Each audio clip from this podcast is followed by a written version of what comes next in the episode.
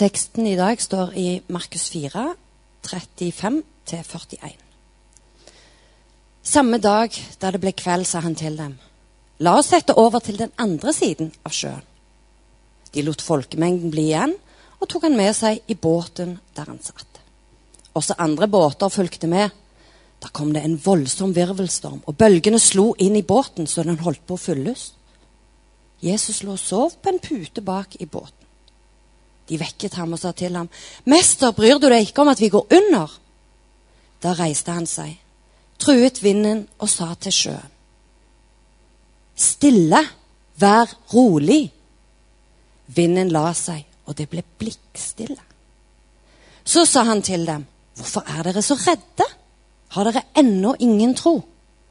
Og de ble grepet av stor frykt og sa til hverandre, 'Hvem er han?' Både sjø og vind adlyder ham. Slik lyder Herrens ord. Jeg gleder meg veldig til denne type tale. For det er noe med dette med naturkreftene jeg syns er enormt spennende i det. Jesus og naturkreftene. Det som er fascinerer meg mest med dette her med naturkreftene, det er at én på ingen som helst måte har vi kontroll på det. Og jeg har aldri opplevd noen som har kontroll på det. Allikevel så får jeg lese i Bibelen om noen som kontrollerte det. Og det for meg blir litt sånn Hva er greia? Hvordan er det mulig? Det er det første spørsmålet. Og så stiller vi oss spørsmålet de som sitter i båten, får oppleve dette her. Det er ikke sånn at de ikke har opplevd ting med Jesus før dette. sant? Men jeg vet for min del, hadde dette vært min situasjon Jeg vet ikke om du kjenner det i magen hvis du ser deg sjøl for deg i den båten. Det gjør iallfall jeg. jeg. Jeg hadde takla det svært dårlig. Det skal jeg innrømme. Ikke at jeg bare blitt dårlig, men der hadde jeg òg ganske sikker på at det her dør vi. Litt av en storm her. En annen plass i Bibelen som står om Jesus i stormen, i Matteus 8, 23, 27. Jesus gikk da i båten, og hans disipler fulgte han. Og se, det ble en stor storm på sjøen, så at båten skjultes av bølgene. Men han sov. Da gikk disiplene til ham og vekket ham og sa, 'Herre, frels, vi går under.' Og han sa til dem, 'Hvorfor er dere redde, dere lite troende?' Så sto han opp og truet vinden og sjøen, og det ble blikk stille. Men mennene undret seg og sa, hva er dette for en som både vind og sjø er lydige? Det er et par ting i den teksten der jeg biter meg merke i. En av tingene er annet når det står om denne stormen. På grunnspråket så er ikke dette en vanlig storm. Stormen er beskrevet som et jordskjelv. Med andre ord, denne stormen er så kraftig at det er som alt skjelver rundt den. Det er den betydningen av det ordet, den stormen er beskrevet fra den tida. Så dette er ikke bare en liten en, sant? men det er en kjempestorm som snakker om akkurat her. Og så er det at det, det er flere elementer her som vi biter merke i. Og Den ene biten er hvordan er dette mulig? Og så står det da i misjonsbefalingen det første meg er gitt all makt i himmel og på jord. Ja, hva vil det si, da? Så han gikk all makt i himmel og på jord. Ja, Da er det kanskje mulig at han kan reise seg opp. Og ikke bare kviskre til vinden eller strekke ut hendene, men det står at han truer vinden. Jeg vet ikke om du har stått på stokken noen gang når det er litt blest, og bare blir stille! Jeg tror jeg hadde sett passe dust ut hadde jeg gjort det. sant? Men her er tilfellet. Her står han, og så truer han bølgene. Bare det i seg sjøl tenker jeg disippel. Hva skjer nå? Samtidig som du er livredd for alle bølgene etter her, så står det en og brøler i fronten og sier stille. Sant? Truer han. Meg har gitt all makt i himmel og på jord. Neste ting jeg begynner å merke denne teksten er og hans disipler fulgte ham. Ordet som er brukt også på grunnspråket her for at de fulgte ham, er det samme ordet som blir brukt tidligere i tekstene som handler om etterfølgelse. at det er at Du kobler deg helt på. Du følger ikke bare Jesus med at du følger etter ham fordi han går en plass, men du følger etter ham med hele livet ditt. Det er oversettelsen som egentlig er det. Så hans disipler fulgte etter ham. Ikke bare det at de gikk med ham, men de fulgte etter ham med alt det han skulle gjøre. Alt det livet innebar. Det var den etterfølgelsen som det står med det ordet når de skal gå om bord i den båten. Og det er interessant. For det, det som meg og mange andre òg har erfart, tror jeg, det er at selv om vi er kristne og har tatt imot Jesus, så er ikke livet stormfritt. Og I dette tilfellet her så er det akkurat som Jeg sier ikke at Jesus leder dem inn i en storm. Men Jesus sov igjennom. De måtte vekke han. Jeg tror noen ganger i livet så opplever vi stormer som Gud venter på at vi skal si 'Hjelp meg'. Og veldig ofte så tror jeg også at vi sier Mange ganger jeg opplever en storm i livet, så har vi lett for å si OK, Gud, dette var ikke det jeg skulle gjøre. Jeg, jeg forstår det nå. Og så bytter vi helt det vi holder på med. Og jeg kjenner meg igjen i det. Men av og til så tror jeg òg det er feil. Av og til så tror jeg vi skal våge å stå i, så at det faktisk Gud kan få gjøre noe med den stormen vi står i. Og at ikke vi alltid bare hopper av fordi nå ble det stormfullt, og Gud han er ikke for storm. Derfor stiller han alt. Og hvis jeg kjenner på det, da skal jeg gjøre noe annet. Det er et godt, sikkert tegn. Nei, det er ikke alltid det. Og det tror jeg går begge veier. sant?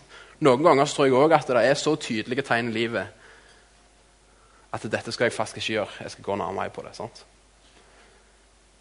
Men hans disipler fulgte ham. altså De var helt tett på hans liv inn i denne båten. Hva som helst kunne skje, og de skulle følge ham. Så går vi videre i misjonsbefalingen. Der står det Gå derfor ut og gjør alle folkeslag til disipler, og lær dem å holde alt det jeg har befalt dere. Det er liksom det som Bibelen også sier, og Jesus sier sjøl. Dette er det en skal gjøre når man er etterfølger av Jesus. Ja vel? Skal jeg da derfor gå ut til alle folkeslag? Nå bor jeg på Gandal, eller jeg bor i Sandnes eller Sandve, eller hvor jeg enn bor. Er det, er det, sånn at jeg skal til Bryne, da? Eller skal jeg til Uganda, eller Nei, Det er ikke så godt å vite. Men poenget er at vi er kalt for å gjøre disipler. Men det som også står her, det er at vi er kalt til å lære dem å holde det jeg har befalt dere. Og det vi ofte gjør, det er at vi tar det vi da har lært, og så tar vi det å holde, og så tar vi det til oss, og så sprinter vi av gårde. Og så står vi plutselig overfor en storm. Og så tenker vi Ja vel, jeg bomma vel på veien, da. For dette ser ut som enten så går det godt, eller så er det fritt fall. Og på den veien, som kristne, selv med oppdraget vårt, selv med alt vi står i, så en eller annen grunn så ender vi ofte opp i stormer allikevel. Following Jesus will sometimes put you in the middle of a storm. Jesus sier også i Bibelen at han sender oss ut blant ulver. Som lam. Han beskriver oss som sauer. Sender oss ut blant ulver. Og Nå snakker ikke jeg om disse stormene som, som noen opplever, som ødelegger deg. sant? Sykdom og masse sånne forskjellige ting. Det er ikke de stormene nødvendigvis Gud sender deg inn i. sant? Det tror jeg ikke på. Following Jesus will sometimes put you in the middle of a storm. Så det neste ting jeg begynner å merke er Herre, frels, vi går under.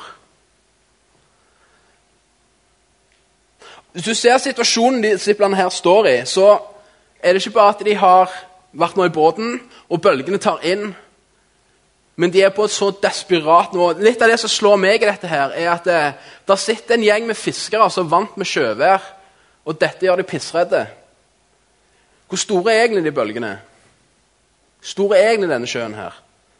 Det er nesten jeg tenker, Denne type erfaring sitter de ikke med fra før. At de bare rocker ut denne bølga. sant? Det er snakk om en stor storm de står i, og de er helt desperate. Og så er det som de mister litt hodet, gjerne. Mister helt kontrollen. Og det er da de springer til Gud og sier 'Frels meg. Vi går unna'. Jeg reiste som misjonær i lag med en kompis. og Vi hadde som mål å ta danskebåten og når vi kom i land, så var det OK, Gud, høyre eller venstre.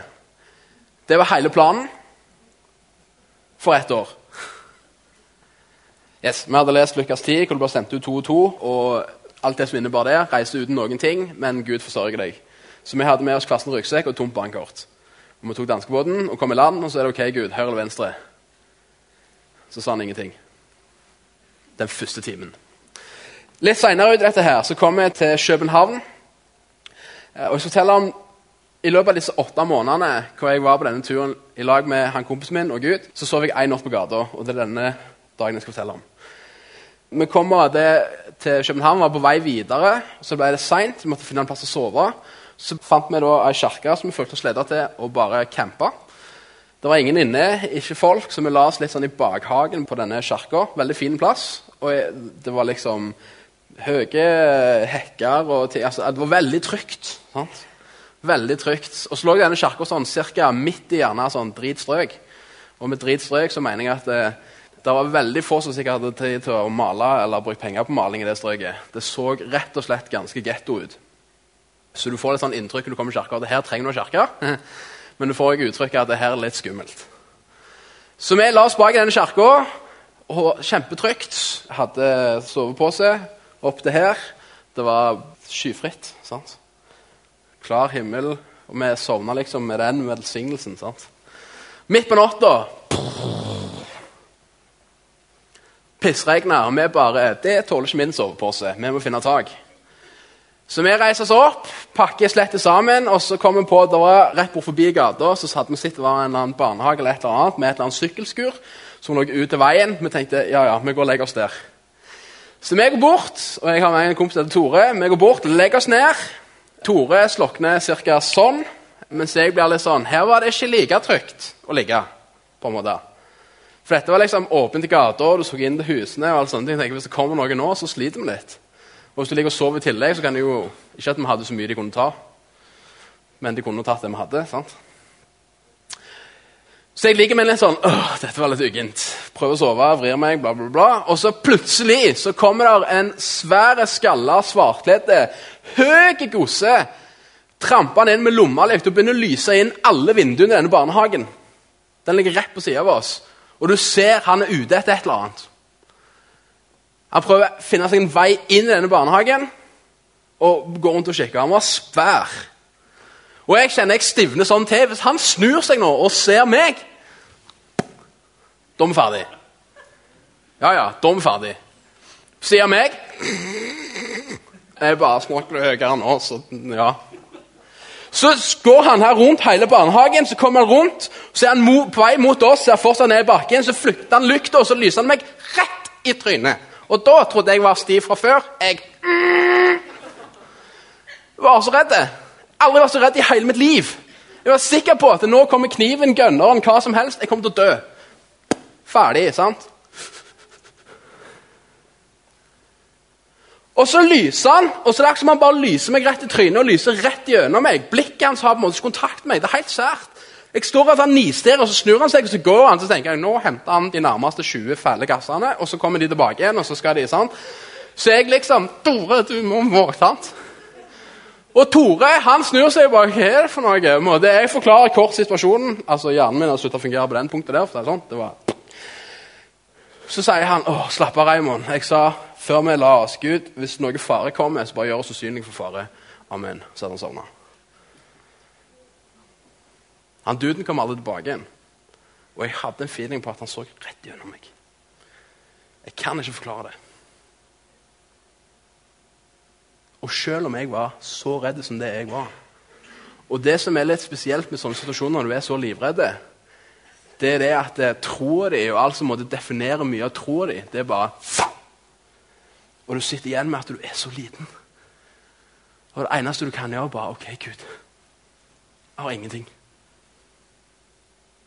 Det var en oppdagelse for min del. At i de situasjonene hvor du blir så skremt, er så redd, frykter så mye, hva står du igjen med? For en ting er lett å leve kristenlivet ut når du er dans på roser, alt dette her. En annen ting er når du virkelig stormer. Og disse disiplene, som da er fiskere, sant? De kunne vel bare ha rodd seg i land på dette her. sant? De òg. De var livende redde. Det var så stor storm, så store bølger, de tok inn vann. De var sikre på at nå dør vi.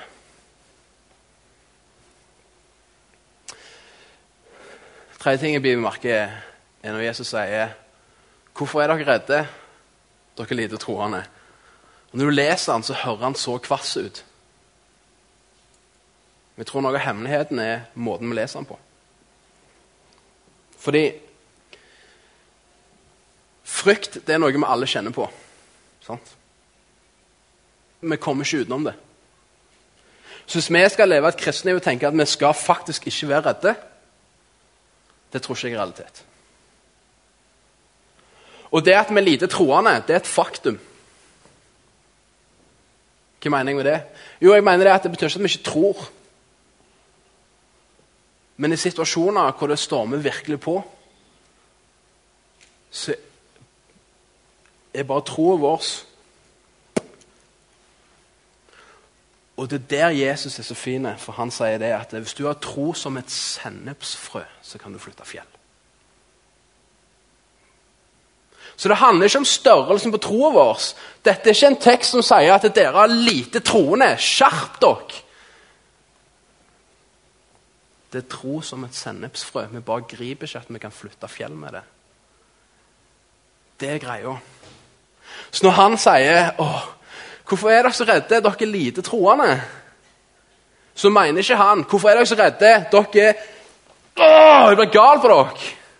Men han mener åh, hvorfor er dere så redde?' 'Jeg skjønner dere har så lite tro, men bare vet at det lille troen dere har, kan være med å flytte fjell.' Jesus er ikke opptatt av den store troa. For han vet i disse situasjonene her, når det er snakk om det stormer, så er ikke den store troa et tema. Men det er den lilla.